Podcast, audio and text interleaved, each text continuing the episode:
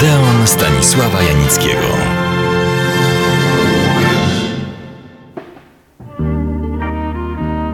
Moją wieloodcinkową opowieść o George'u Cukorze dzisiaj kończę. Choć mógłbym jeszcze przez kilka odcinków pociągnąć. Dlaczego? Bo był jednym z najważniejszych, najbardziej typowych reżyserów hollywoodzkich, który na dodatek działał, tworzył w szczytowym okresie istnienia tej gigantycznej, wzorcowej fabryki snów.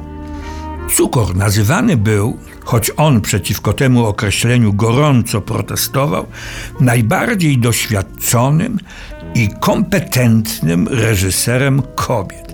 Nie będę tego sporu rozstrzygał, bo po tylu latach i tak burzliwych i zasadniczych zmian Hollywoodu pewne spory stały się anachroniczne. Ale na zakończenie jeszcze do tej sprawy wrócę.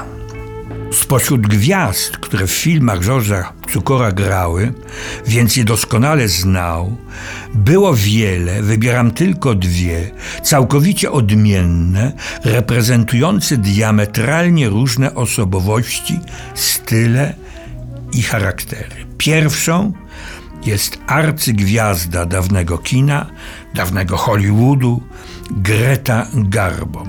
Wspominałem już o niej, ale teraz dodaję jeszcze jedną opowieść. Davida Nivena, świetnego aktora brytyjskiego i amerykańskiego, który sławę zdobył m.in. dzięki takim filmom jak Szarża Lekkiej Brygady, przy oddzielnych stolikach Oscar i Złoty Glob, Działa na Warony czy Różowa Pantera. Opowiem o nim oddzielnie, bo warto. Otóż David Niven w swojej autobiografii napisał m.in. W połowie lat 50. znalazłem się na południu Francji. Ku mojej nieopisanej radości okazało się, że Greta Garbo jest gościem w domu mojego sąsiada. Pewnego dnia przyjęli moje zaproszenie. Nakryliśmy do obiadu w ogrodzie i kiedy siadaliśmy do stołu, lunął deszcz. Pomóżcie zanieść wszystko do domu, krzyknąłem, łapiąc jakiś talerz. Nonsens, powiedziała energicznie Greta. Przenieśmy wszystko pod stół i tam zjemy. Siedząc z nią pod stołem, odprężoną i beztroską, postanowiłem dowiedzieć się prawdy. Dlaczego rzuciłaś film? spytałem. Długo zastanawiała się nad odpowiedzią, aż pomyślałem, że zignorowała moje wścibskie pytanie. Ale w końcu odpowiedziała mi cicho, jakby mówiła do siebie. Pokazałam wystarczająco wiele twarzy. Nie będę tego komentował, bo wkroczyliśmy w bardzo osobisty, intymny świat. Jak mylne, krzywdzące są nieraz nasze mniemania o wielkich gwiazdach.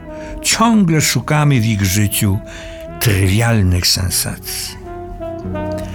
Marilyn Monroe George Cukor reżyserował ostatni film, w którym ona grała.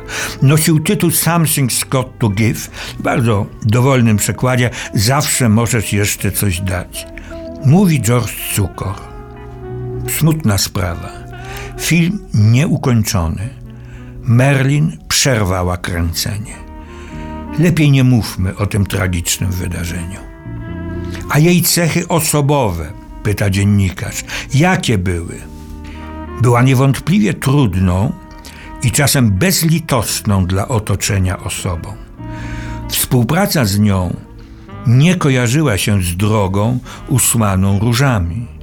To też wielu ludzi z branży raczej nie lubiło Merlin. Ale miała Merlin artystyczną duszę i niesłychany urok i wdzięk Miałem do niej dużą słabość. Marilyn Monroe potrafiła brać w jasyr niemal każdego.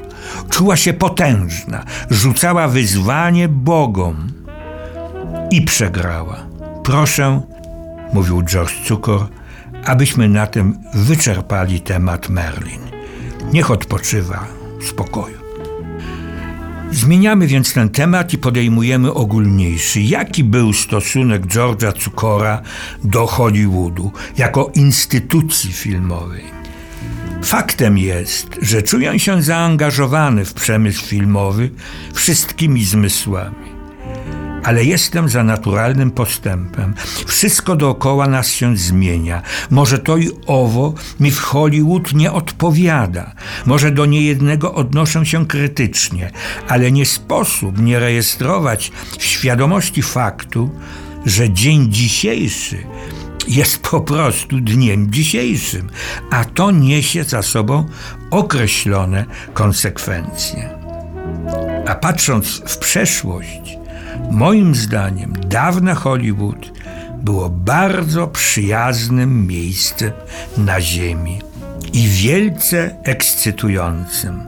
Spotykałeś tu multum utalentowanych i pracowitych ludzi.